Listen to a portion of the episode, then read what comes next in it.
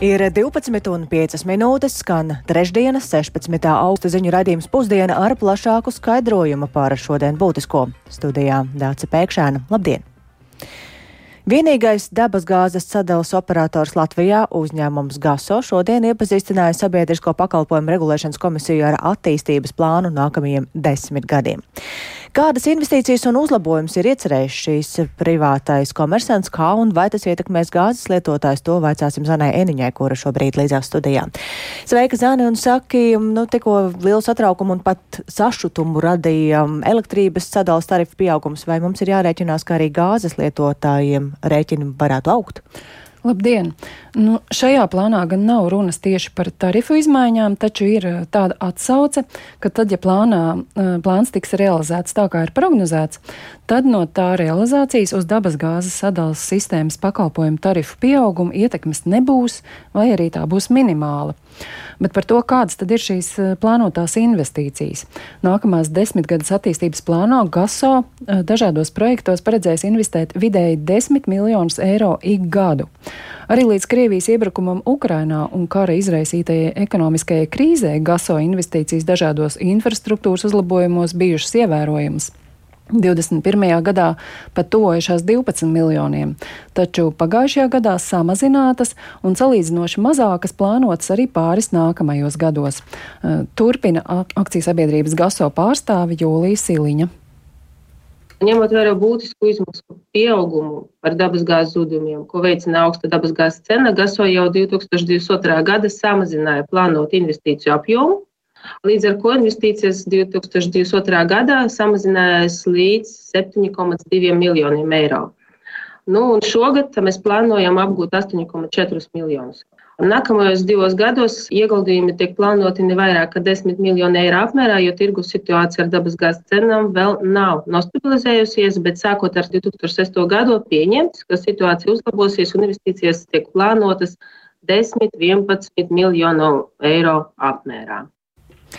Pēc Jūlijas Siliņas teiktā vislielākās investīcijas plānotas gāzes sadalas sistēmā, piemēram, cauruļvadu remontos un atjaunošanā, taču būtiskas investīcijas paredzēts arī sistēmas digitalizācijā, arī ar nolūku to padarīt ērti lietā, lietojamu klientiem, būtībā norēķinos ieviešot eh, tādu kā pašapkalpošanos.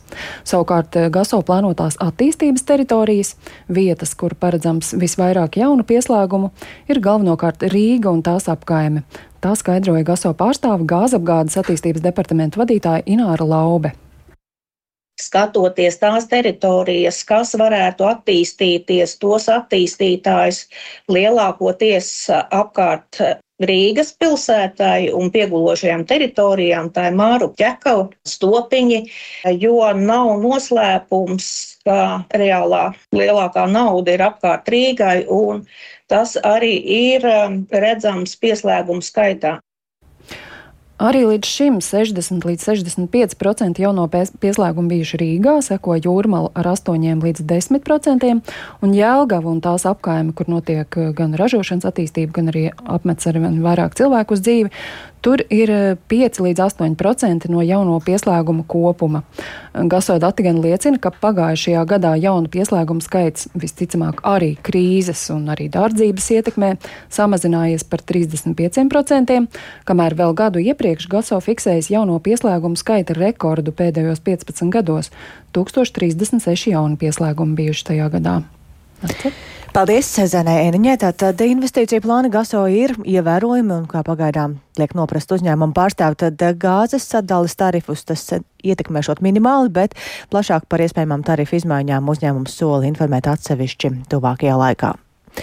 Par citiem notikumiem Latvija ir mobilizējusi papildus spēkus uz Latvijas-Baltkrievijas robežas, un šāds solis ir proaktīva rīcība, raidot skaidru signālu gan mūsu sabiedrībai, gan arī Baltkrievijas varas iestādēm, ka Latvijas robeža, kas ir arī Eiropas Savienības ārējā robeža, tiks aizsargāta. Tā šorīt Latvijas televīzijai sacīja premjeras Krišāns Kariņš no jaunās vienotības, un arī iekšlietu ministrs Māris Kučīnskis no apvienotā saraksta to sauc par loģisku soli laikā, kad nelikumīgo robežu šķērsotājs skaits palielinās. Paklausīsimies viņa teikto kolēģei Artai Skujai šorīt raidījumā Labrīt ir papildus norīkot robežsargi no citām vietām. Tātad arī policija ar speciālo uzdevumu vienībām palielināt bruņoto spēku skaita ziņā klātbūtne, kas respektīvi ir zemesarga skaits. Un, uh, ar aizsardzības ministriju ir arī vienošanās tāda, ka arī šīs mācības, kas šobrīd notiek Latvijā, pierobežas tūmā, arī tās turpināsies. Respektīvi, tur ir lielāki spēki tūmā. Vai kavēšanās ar žoga izbūvi varētu būt viens no faktoriem, kas nelegālos robežu čērsotājus ir iedrošinājuši šobrīd?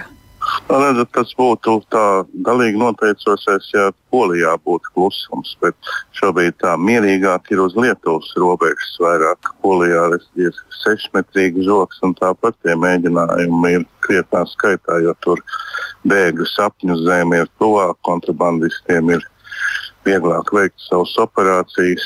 Lietuvā ir ne tik daudz žoks, jo žoga funkcija jau ir aizturēt uz kādu brīdi, padarīt grūtāk, bet uh, es domāju, ka galvenais ir video novērošanas sistēma, kas Lietuvā ir pabeigta, mums tikai tagad uzsākās. Tas ļauj uh, robežsargiem no attāluma redzēt katru vietu un faktiski dod tādas mazas cerības bēgļiem nokļūt līdz savām mašīnām, kas gaida šajā pusē kontrabandas ķēdi. Tāpat robežsargiem arī pirms divām diennaktīm šeit atkal tika krāsla aizturēti arī mūsu cilvēki, kas gaidīja ar mašīnām, kas veda bēgļus, kas bija tikuši pāri. Tāpēc nu, darbs ir saspringts šobrīd. Tas nozīmē, ka aizvien arī mūsu pusē ir cilvēki, kas iesaistās šī hibrīda apdraudējuma eskalēšanā un nu, šobrīd skatīties kā uz tieši tādu Vāgneru algotņu uzturēšanās Baltkrievijā kā faktoru šeit varam vai ne? Mm, es domāju, ka ne Vāģnera faktors vairāk pastiprina to morālo pusi un iespējams, ka iedrošina kontrabandists. Mūsu puses iesaistītie tie ir ķēdes posms. Man šķiet, ka mums krietni jāpalielina sodas, jo pirmie, kas arī tika tiesāti, tika cauri ar salīdzinoši maigu sodu. Tāpēc mēs šobrīd spriežam par to, kā katrs noķertājam ir tā kārtīgi jāpasēž cietumā, varbūt tad domās, vai iesaistīties šajās ķēdēs, kas tiek organizētas.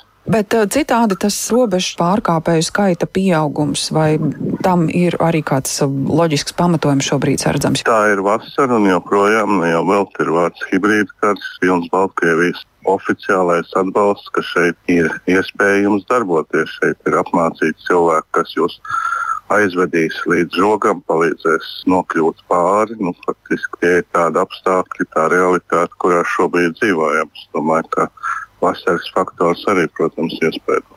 Un ko līdz šis uh, robežu pārkāpēju skaits samazināsies, nepieciešamība pēc valsts policijas, pēc bruņoto spēku palīdzības atkal tiks mazināta?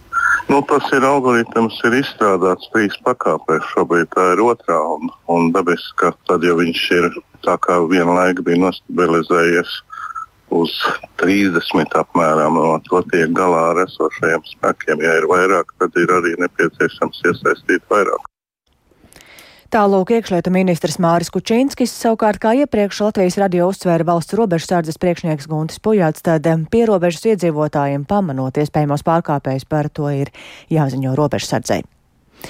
Ukrainas karavīriem Donetskas apgabalā ir izdevies atbrīvot Urožainas ciemu, par ko pēdējās dienās notika sīvas kaujas. Par to šorīt pavēstīja Ukrainas aizsardzības ministra vietniece Hanna Maļara.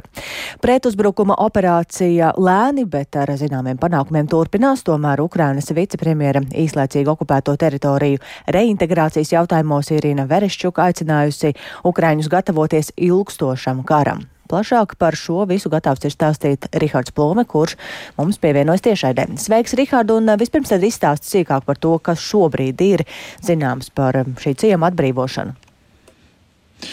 Jā, labdien! Jāsāk laikam ar to, ka šis atbrīvotais ciems, kas atrodas Donetskas apgabalā, ir ticis atbrīvots Ukrainas armijai virzoties uz dienvidiem, dienvidu frontē, tātad virzoties Berģānskas virzienā. Ciems atrodas te blakus nesen atbrīvotajam Staramajorskas ciemam un Ukrainas karavīri Uražainas ciema šturmēšanu sāka šomēnes augustā. Pirmās ziņas par to, ka ciems ir ieņemts, parādījās jau pirms trīs dienām, tomēr tikai šodien tam tika iegūts oficiāls apstiprinājums.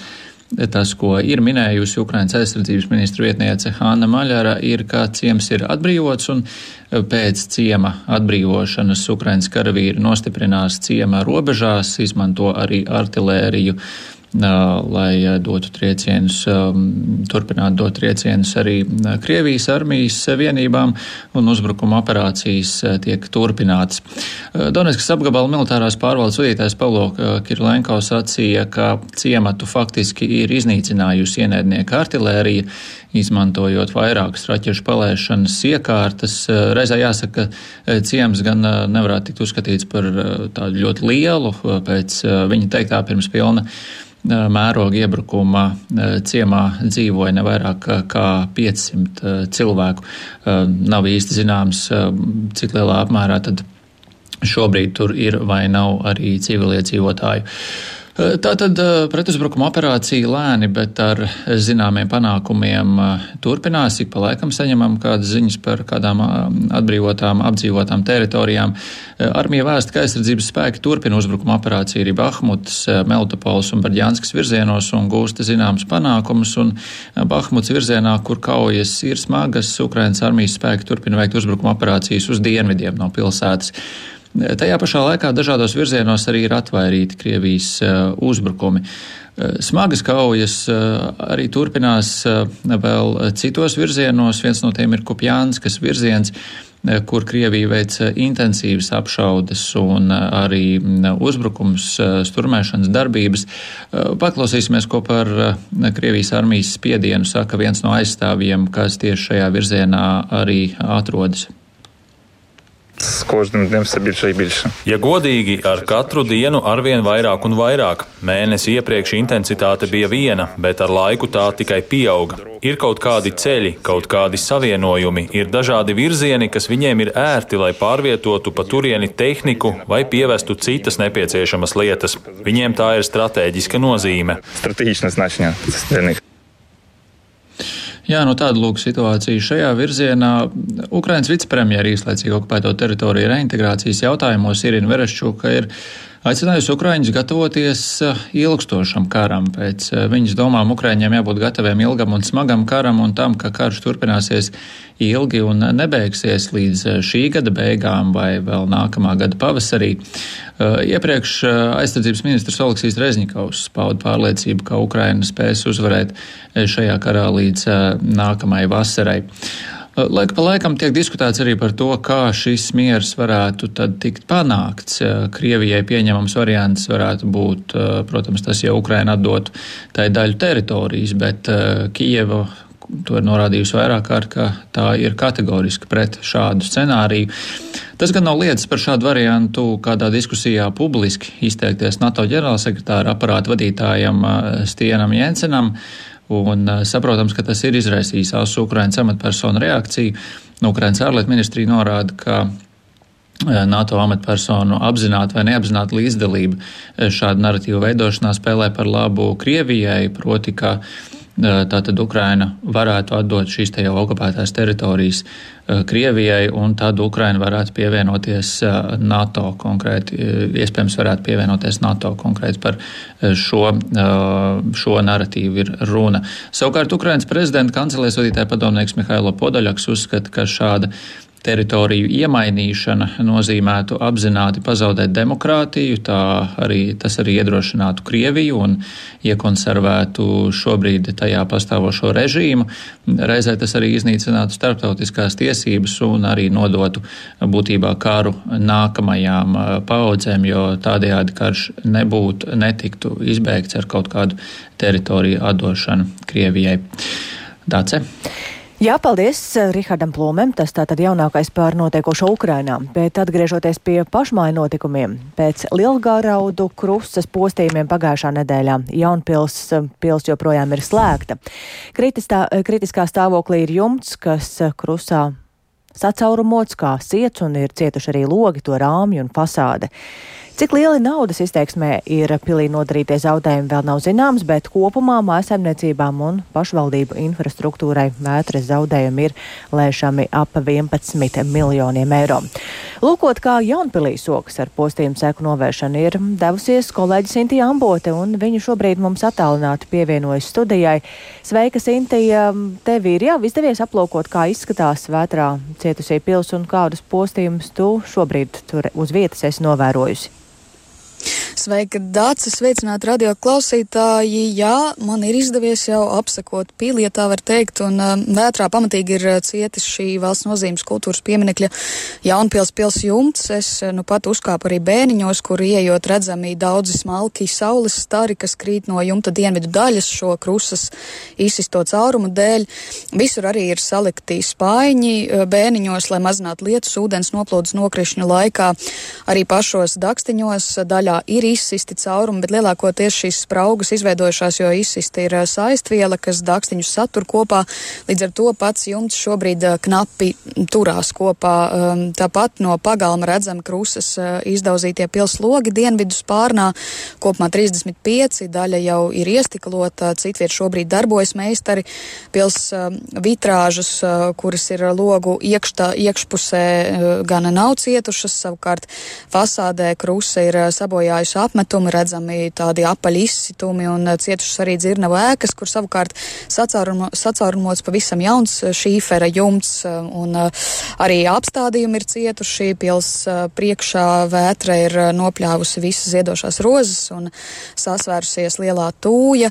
Taču patiešām viskritiskākajā stāvoklī ir tieši jumts, to secinājusi arī Būvniecības valsts kontrolas biroja inspekcija, kas vakar apsekoja šeit postījumus.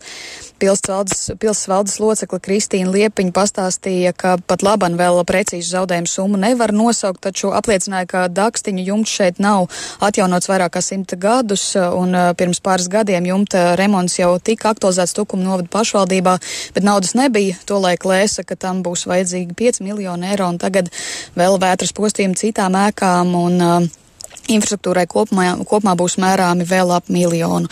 Pagaidām plānots, ka jumts tiks it kā iekonservēts, proti e, tam uzklās un piestiprinās plēvi, lai e, apkārtne būtu droša un nenāktos zaudēt dakstiņus, kuri var krist no jumta. Šobrīd pils teritorija ir norobežota ar sarkanu lentu un e, visur izvietot aicinājumi neiet pie sanā nama un šeit rosās strādnieki, lai pili daļai varētu drīzumā atvērt apmeklētājiem un tiek veidoti pagaidu gājēju koka stalažu tādi tuneļi ar jumtu jumtu, lai pārvietoties varētu droši, taču pils pārstāvi norādīja, ka pilnīgi jumta atjaunošana visticamāk būs iespējama tikai nākošgad. Tas tātad ir pašvaldības īpašums un šobrīd nepieciešama atbalsta apmērs vēl tiek apzināts, cik lielu atbalstu varēs gūt no vietvaras, cik no valsts un ko seks apdrošināšana.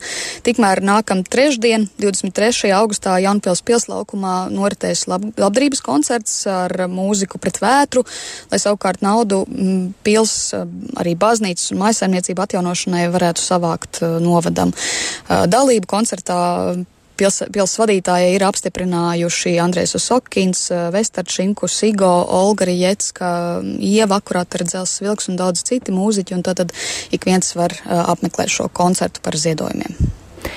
Paldies Sintijai Ambotē, kas ļauj mums ielūkoties tajā, kā tad šobrīd izskatās Jaunpilī, kā dzirdējām Sintī pabija gan bērniņos, gan arī citvieta, un tad plašāku reportāžu no Sintīs gaidām raidījumā pēcpusdiena. Es tikai vēl piebildīšu, ka, lai arī pašreizējās prognozes rāda, ka apstākļi nebūs tik piemēroti, lai veidotos tik plaša stihija kā aizvadītās nedēļas sākumā, tomēr arī šodien un turpmākajās ļoti karstajās dienās var vietām veidoties negaisa mākoņi, lokāli nesot ļoti stipru lietu, kas izraisa īslaicīgus plūdus, iespējams iespējams vēja brāzmas, kas rada postījumus, kā arī lielgraudu krusa. Bet jaunajā Rīgas teātrī pēc dažām nedēļām sāksies jaunā sezona, ko mākslinieki kārtējo gadu iesauks nu jau ierastajās pagaidu telpās mierielā. Šodien teātris par jauno sezonu informē plašāk, un tur šobrīd atrodas kolēģis Viktors Demidovs, ar kuru šobrīd esam sazinājušies. Sveiks, Viktor! Un tad vispirms atcerēsimies teātra šīs ziemas paziņojums par to, ka jaunas izrādes tas neiestudēšot tādā veidā protestējot pret ielgušo būvniecību teātra vēsturiskajās telpās Latvijas ielā. Kā ir tagad? Vai streiks tur turpināsies, vai tomēr mēs varam cerēt arī uz jaunām izrādēm un galu galā vispār, kad teātris cer atgriezties atjaunotajās telpās? Jā, sveika, Dārcis! Sveicināti Latvijas radio klausītāji! Nu, septīto gadu pēc kārtas jaunais Rīgas teātris sezonu sāks trimdā, un tā teica mākslinieckais vadītājs Alvis Hermanis, paziņojot, ka gaidāmajā sezonā miera ielas telpās jaunas izrādes būs. Kopumā tās būs piecas, un tādējādi var secināt, ka šoziem paziņotais protests ir beidzies. Ledus ir sakustējies, jo ilgusī vēsturisko telpu vērienīgā pārbūve aktīvi rit uz priekšu. Valsts nekustamie īpašumi informēja, ka šobrīd ir pabeigti vairāk nekā 80% no visiem darbiem, un tie jāpabeidz līdz gada beigām. Atgriežoties Lāčplēša ielā, mm, atgriezties, pareizāk sakot, Lāčplēša ielā jaunais Rīgas teātris gatavojas nākamā gada martā.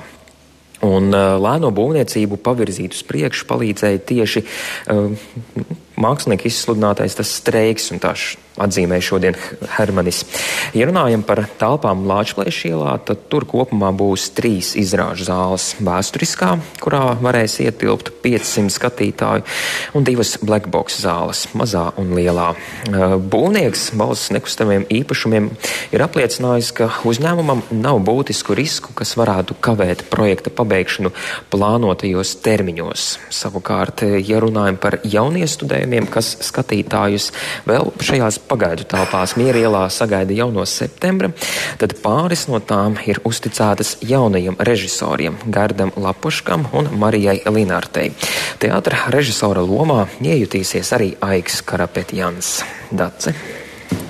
Paldies Viktoram Demīdovam. Tātad septīto gadu teātris, jaunais Rīgas teātris sezonu sāks pagaidu telpās, tomēr jaunas izrādes, neskatoties uz iepriekšējiem paziņojumiem, tomēr būs. Tikmēr Rīgas centrā turpinās arī citi vides uzlabošanas darbi, proti demontējot nelegālos gaisa vadus. Un šodien šajā procesā iesaistītie apsprieda paveikto un norādīja, ka desmit mēnešu laikā saņemti 500 iesniegumi par vadiem uz Rīgas jumtiem. Nesen pēc visu nepieciešamo atļauju saskaņošanas nelegālas komunikācijas tika likvidētas uz daudz dzīvokļu mājas jumta Tērbats ielā 28. Un šī nama īpašnieka Trevetija filistu biedrība valdes priekšsādātājs Edgars Kvālis dalījās arī savā pieredzē vadi uz jumta bez projekta izbūvēti. Viņi vienkārši ir neglīti, viņi degradē vidi. Otrakārt, viņi traucē fizisku apsaimniekošanu, rada riskus. Nu, ziemā kaut vai sniega, ledus tīrīšanai, jebkādām citām darbībām. Namīpašniekam rada arī juridiskus riskus, ja teiksim, nu, kāda no šīm konstrukcijām nogāžās uzgāžās kādam virsū, nedod Dievs, vai kaut kas tam līdzīgs notiekās. Nu, un arī traucē īpašumu apsaimniekošanu un attīstību ja jūs teiksim, plānojat eh, nu, kaut ko darīt uz jumta, būvēt, projektēt. Atgādināšu, ka liegums izbūvēt jaunus gaisa vadus Rīgas vēsturiskajā centrā un prasība pārvietot tos pazemē rekonstrukcijas laikā ir spēkā kopš 2006. gada, taču vairāk nekā 15 gadus realitātē šī problēma nav atrisināta un arvien parādās jauni vadi, kas ir pretlikumīgi un pat bīstami. Tādēļ Latvijas Informācijas un komunikācijas tehnoloģijas asociācija sadarbībā ar TET pērn sāka par to publisku diskusiju un nelegālo kabeļu līniju likvidēšanas kampaņu. Katra šāda gaisa vada pārgriešana var notikt tikai pēc saskaņošanas ar būvvaldi, un tam pastiprinātu uzmanību pievērš arī Rīgas pilsētas attīstības departaments. Tomēr šodienas diskusijā arī ir secināts, ka lielākā daļa no lēmumiem par nelegālo vadu likvidāciju tiekot pārsūdzēti. Tik tālu jaunākais raidījumā pusdiena, un šobrīd raidījums izskan. Tā producente Ilze Agīnta ierakstus montēja Uldis Grīnbergs, par labskaņu rūpējās Rīta Karnača un ar jums sarunājās Dāts Pēkšēna. Vēl īsi par būtiskāko GASO iepazīstina ar dabasgāzes sadalas sistēmas attīstības desmit gadu plānu būtisku ietekmi uz tarifiem tas neatstāšot. Latvija ir mobilizējusi papildspēkus uz robežas ar Baltkrieviju. Ukrainas armija atbrīvojusi ciemu Donetskas apgabalā, un Jaunpils joprojām ir slēgta un rēķina krusas radīto postījumu apmērus, kā arī steidz novērst postījumus. Atgādināšu vien to, ka redzījums pusdiena klausāms arī sevērtā laikā Latvijas radio mobilajā lietotnē, meklējot um, dienas ziņas. Tāpat arī Latvijas radio ziņām var sekot līdzi sabiedrisko mediju ziņu portālā LSM un sociālajos tīklos. Mēs šodien ēterā tiekamies nedaudz vēlāk raidījumā pēcpusdiena.